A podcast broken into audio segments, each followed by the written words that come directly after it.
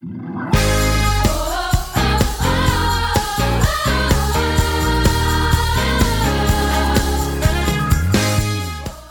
to the City Church International podcast.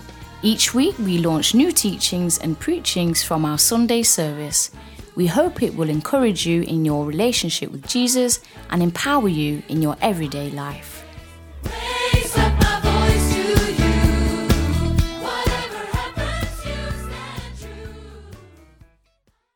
Well, I'm going to talk to you briefly um, about the glory of the church in Europe. The glory of the church in Europe. Please write it down the glory of the church in Europe.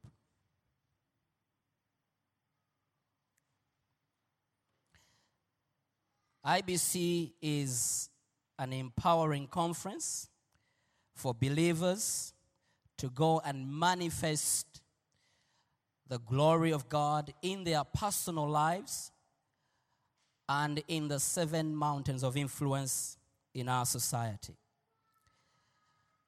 Everything God has put in us and everything God has put in our hands, everything God has put in our hearts, and everything God has put around us, every person that God has brought to us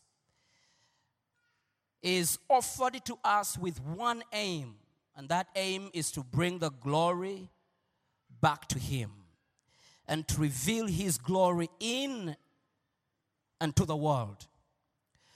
The church is here to manifest the glory of God, uh, to show the world the true character of God and uh, the true personality of God. And so it's a privilege to live today in these days where God wants to reveal His glory to all mankind. The glory in us is by Jesus and for Jesus. The glory in us is by Jesus and for Jesus. He releases His glory in our lives, in our churches, for us to show that very glory to the world around us and people around us, for them to see Him, not to see us, but to see Him. So if we say we are contending for the glory of God in our city, uh, we are not here to contend for this glory so that we can become the greatest church or the greatest um, evangelist or greatest pastor or apostle. But we want Jesus to be manifested. We want Jesus to be the center of everything that we are doing. We want our neighbors, we want our friends, we want our co workers, we want our family members, we want our city, we want our nations to see Jesus lifted up. Because the glory in us is by Him and for Him. And that is very important for us to understand that it's by Him and for Him. Therefore, IBC is designed to bring together people from all backgrounds, nationalities, and from all walks of life to remind us of our divine purpose in Europe.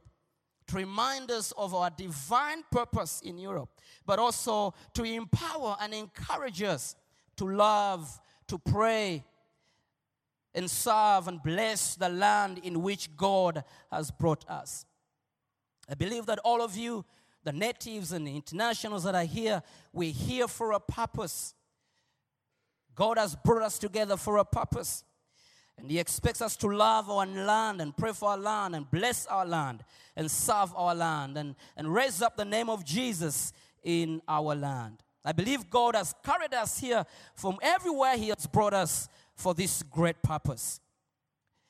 We are agents of king, the kingdom of God. We are agents of glory. We are carriers of His glory. We are agents of transformation in our dying society.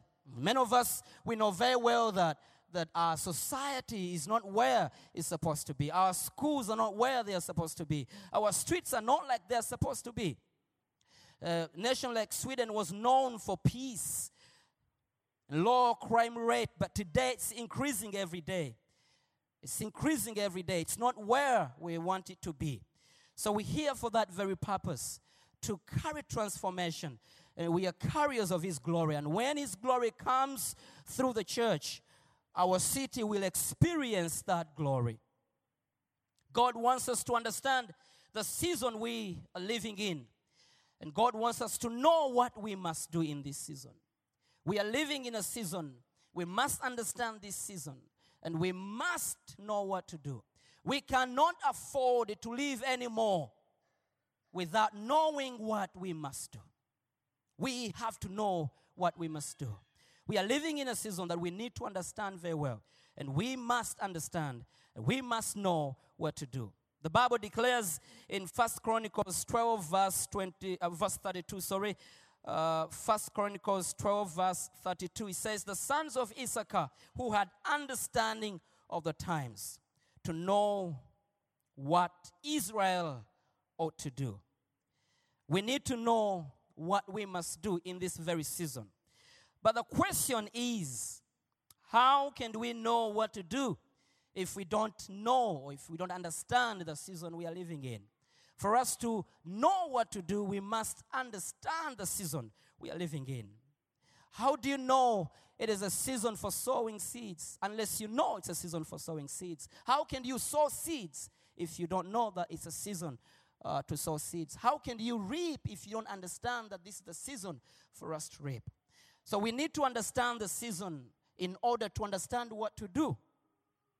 And so this weekend, we want God to open the eyes of our understanding for us to understand very well the season we are living in, in order for us to know what we ought to do as a church in our city. We cannot be confused like the world is confused. We must provide the answer. And I believe that we are living in the right season and uh, we are heading for the right challenge for us to provide an answer to our society. We must be intentional in this and we must be practical. We must be intentional in this and we must be practical. We must be relevant to our society. But all that starts by knowing the season we are living in. If we understand the season, then we shall be intentional and we shall be practical in what we do as a church in our city. I'm reminded many years ago, our forefathers in Africa, in South America, Asia, they never worshiped the living God. They worshiped idols. They worshiped trees and rivers and rocks and stones and animals. They never worshiped the true God, the living God. That was a terrible season where witchcraft covered all over Africa. People suffered from this witchcraft. In that very season, our brothers in Europe were experiencing a great move of God. The wells of revival were right here in Europe. Churches were full of people. For example, in Sweden, everywhere you go, in what we call communes, in our communities, everywhere you go, you find a church. Because everybody went to church, everybody worshiped. And so they had to build churches everywhere because there were so many people going to church every Sunday. The wells of revival. You read stories about churches like this one, City Church. The history is amazing. People lining up every day to come here to worship the Lord. The whole place was packed and they didn't have where to put people. Europe as a continent was going through a great move of God, experienced a great move of God. While our grandfathers were busy worshiping idols, they never worshiped a true God. Now, Europe shared with us and they sent missionaries to us. And that's how we ended up here today. They sent missionaries to us. They, they sacrificed not because they had so much, but they sacrificed. Not because they didn't have nice homes where to live, and so they decided to travel to Africa and, and, and South America. They sacrificed. They left their nice homes and hospitals and schools, and they came with their kids. Today, when you go to Congo, you find small graves with names you cannot pronounce. You go to Tanzania, you find graves with names you cannot pronounce. That means their kids died on the mission field, and some, some of them went and never returned. They died on the mission field. They gave their lives. They sacrificed, and they came and brought the gospel and brought the Bible. Uh, recently, I, we were with um, uh, one of the pastors here and the Bible school students, and we visited the king. And we went to, uh, uh, to his office, and we saw a letter, very old letter, written on this paper, which looked very old. And the king was requesting the Queen of England to send teachers of religion and to send the Bible. He needed to know the God of the Queen of England. And missionaries came to nations like Uganda, Kenya, Tanzania, and Congo, and other African nations. They brought the gospel. They gave. They had no clean water, but they shared what we had. And they built schools and hospitals and, and churches. Now, in this very season where we are, things have changed. When you go to Latin American, South American, you go to African, Asia, you see churches everywhere, and all of them are full of people. You go to cities like Nairobi, they have blocks of prayer. Six in the morning, they are praying. You hear voices everywhere, people praying. You go to uh, cities like Kampala, people praying six o'clock in the morning. Lunch hour, churches are full of people. Theaters are full of people. There are theaters in Nairobi and, uh, and, uh, and, and Kampala. Churches have taken over these theaters because they are paying and, and, and there are so many. And, and God is doing great things. You can really experience open heavens. Things have changed. We are now living in a different season. We need to understand the season in order to understand what we must do. We have to understand the seasons in order to understand what we must do. With all due respect to Europe and the church in Europe, things are no longer the same. Things have changed. Today in England and Sweden and other European nations, they are selling churches because we can no longer afford to pay our bills. And there are no people. Recently, a church close to us was sold. We don't know who bought it. Why? Because there were few people and they could not afford to pay the bills. Churches are being sold. And today we have members in our society that are church members on paper. They don't worship, they don't come to church, but they are members. You see, some of them, they are tithe, they even send their tithe, but they never fellowship. Things have changed. It's a different season. We must understand the season in order to understand what we must do. Well, as we're experiencing open heaven and revival in these nations that received missionaries, this land, it is no longer the same. What can we do? But I have good news for Europe. God is faithful. God is faithful. God has not forsaken Europe. God ha- has a plan for this continent. God has a plan for Sweden. God has a plan for Norway. God has a plan for Finland. God has a plan for UK. God is so faithful. He has not rejected Europe. He has not rejected this continent. Now things have changed. We see internationals coming to Europe every day. When you go to the international airports and borders, and you see a lot of internationals moving here every single day. Nations are shaking, and God is moving His people, blessing them where He wants them to be. While nations are shaking and things are not good around the world, God is also busy moving His people to bless them where they have to be. He's now, in, he's now sending internationals to Europe. European countries are receiving internationals. And I'm reminded of a scripture in Ecclesiastes chapter 11, verse 1 Cast your bread upon the waters, for you will find it after many days. Cast your bread upon the waters, it will come back to you in due season.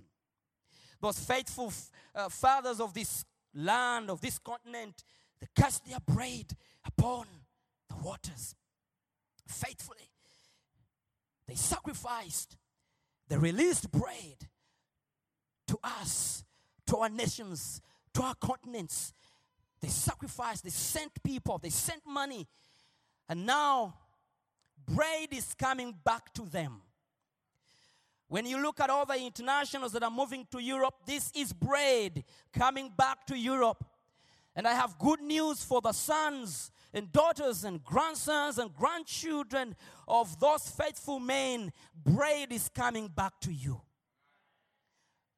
These internationals, this is bread coming back to you. Please receive this bread, receive this blessing. We need to understand the season in order to know what we must do. Internationals, we need to understand that we are no longer refugees. We are no longer victims of war. We did not come here to live a better life. We are not looking for bread in Europe, but we are missionaries. We are bread coming back upon the waters. We come here as a blessing. We don't come here as refugees. We don't come here as victims of war. But we come here as braid upon the waters. We need to understand the seasons in order to understand what we must do. We need to work on our thinking.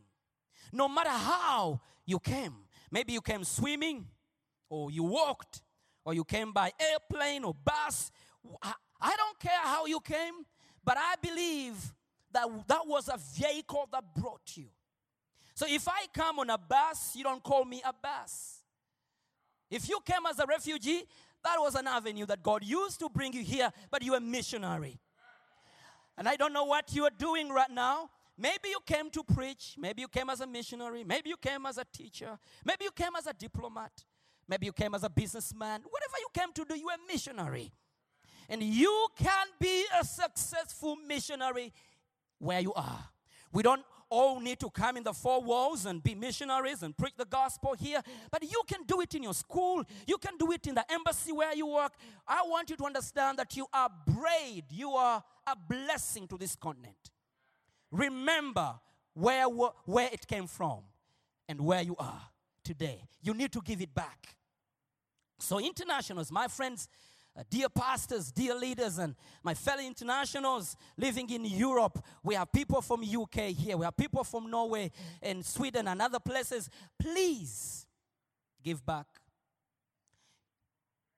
The future of the church in Europe is with internationals. That's a heavy statement, but it is true. That's why we're here. And I believe we should not have the international church there and the Swedish church over there, but we should build one church. And I don't think that as a Ugandan, born in Uganda, raised in Uganda, God sent me here to build a Ugandan church. If God wants me to build a Ugandan church, He should take me back home and build a Ugandan church. But when He brings me here, when, when He brings me here, my job is to stand with Europe and build an international church, not a Ugandan church. So, from Nigeria, let's come together. Ugandans, let's come together. Kenyans and Swedish and everyone. God is calling His church, and He wants us to be a house of prayer for all nations. A house of prayer for all nations. Our brothers and sisters, the Europeans, receive the bread that is coming to you. Open up doors for them. Receive the missionaries who are coming to you. This is the return of the glory to Europe. Open up doors for them and receive them and embrace them. This is the blessing that God is sending to you. Let us receive them and open doors for them. Isaiah 43, verse 18 to verse 19 says, Forget the former things, do not dwell on the past. See, I am doing a new thing. This is what God is doing. This is a new thing.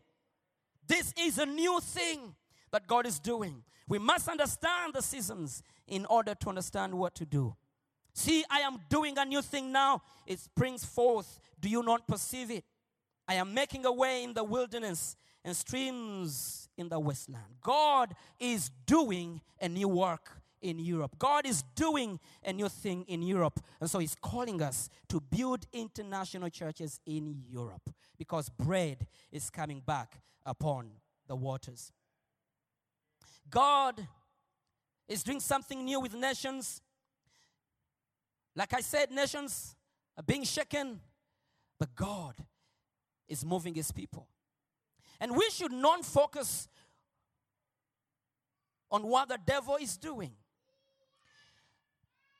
At the beginning of this year, you all remember what happened in Finland and Germany, where foreigners raped women. And all those things are happening. Eh, We have different things that are happening, and it's evil. When people open doors for you, don't hurt them, bless them. It's evil. We don't support that.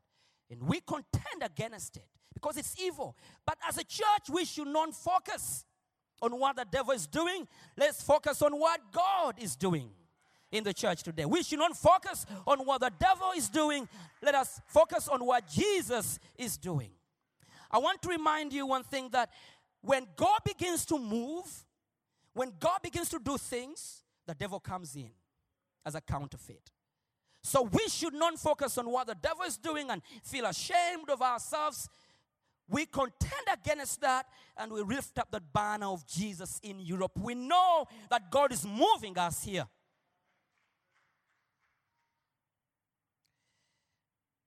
So, therefore, I can boldly say that immigration in Europe is no longer a political issue, but it's a spiritual issue. It is no longer a political issue, it's a God issue. It is no longer a political issue, it's a calling issue. Now, God is calling me, and God is calling you from Latin America, South America. God is calling you Swedish and English, and God is calling all of us to evangelize Europe. It is a calling issue, it is not a political issue. Now, I suggest, I suggest seven things in this meeting today. Let us put down our pride and embrace each other. Let us put down our pride and embrace each other. We should not allow our attitudes to quench the spirit. God is doing something new. Don't allow your attitude and your feelings to quench the spirit. Number one, let us put down our pride and embrace each other. Number two, we should not allow our attitudes to quench the spirit. God is doing something new. Let us open our eyes and see what God is doing. Number three, let us come out of our isolation and begin to network. God does not use people in hidings.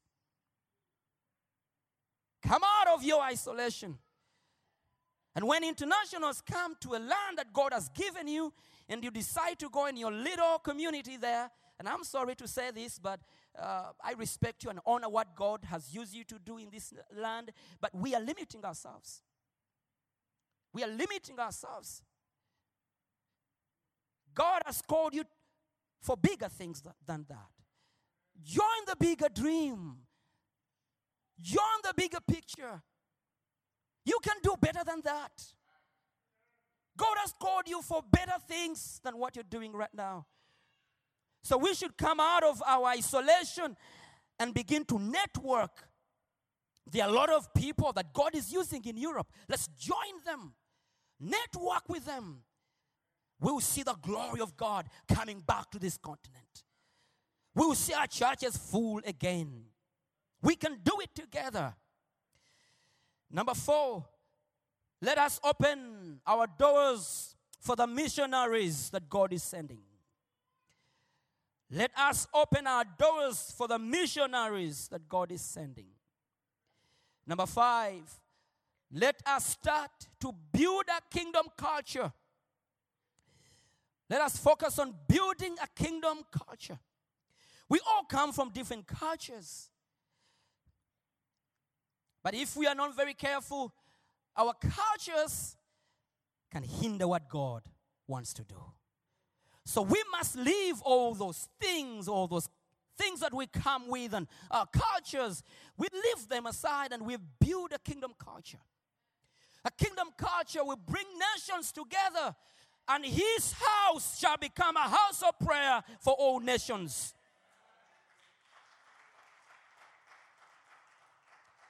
A kingdom culture. A kingdom culture. God is a God of nations. Number six, let us build international churches and bring all nations together. Isaiah 56, verse 7 says, Even them I will bring to my holy mountain and make them joyful in my house of prayer. Their burnt offerings and their sacrifices will be accepted on my altar. For my house shall be called a house of prayer for all nations. Number seven. Number seven.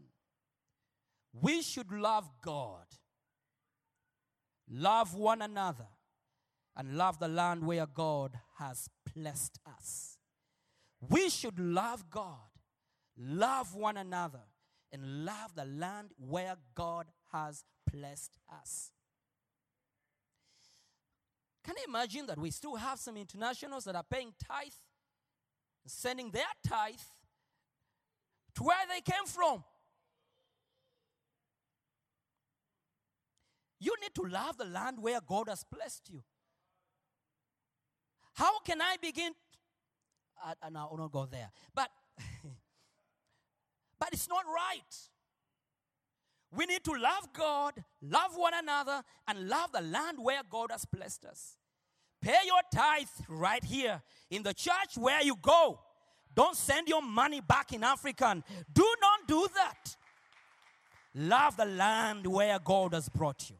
Support the work, what, what God is doing in where you are, in your This is your country now. This is your city right now. Build your church here.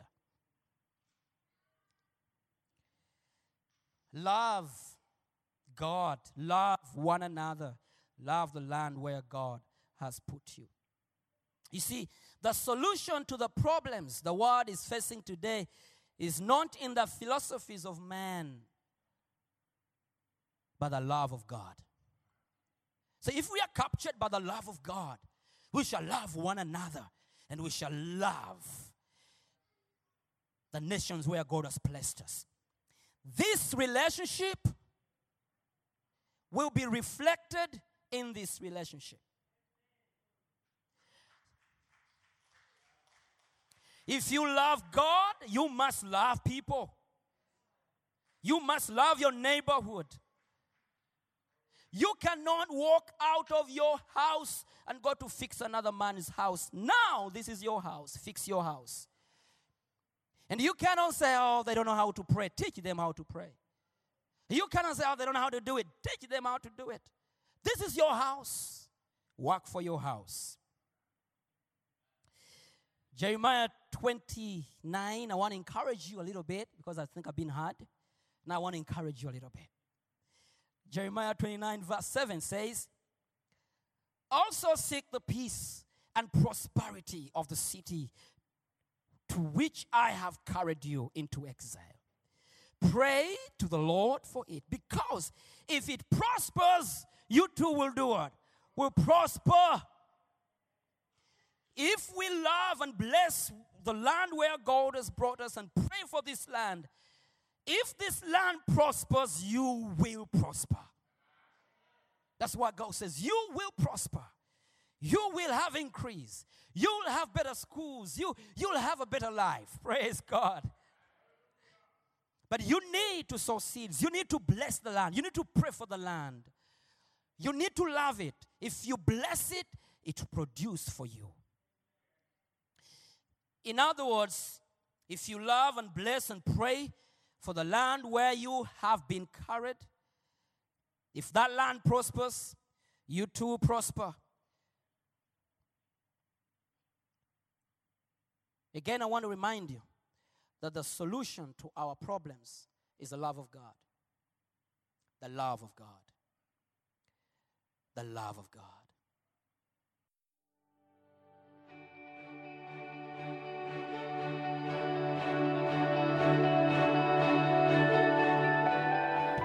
Thank you for listening. If you're in the Stockholm area, feel free to join us at our international services every Sunday at 2 pm at Adolf Fredriks Kyrkogata 10. If you'd like to know more about Jesus or for any other information, please do visit us at ccistockholm.se.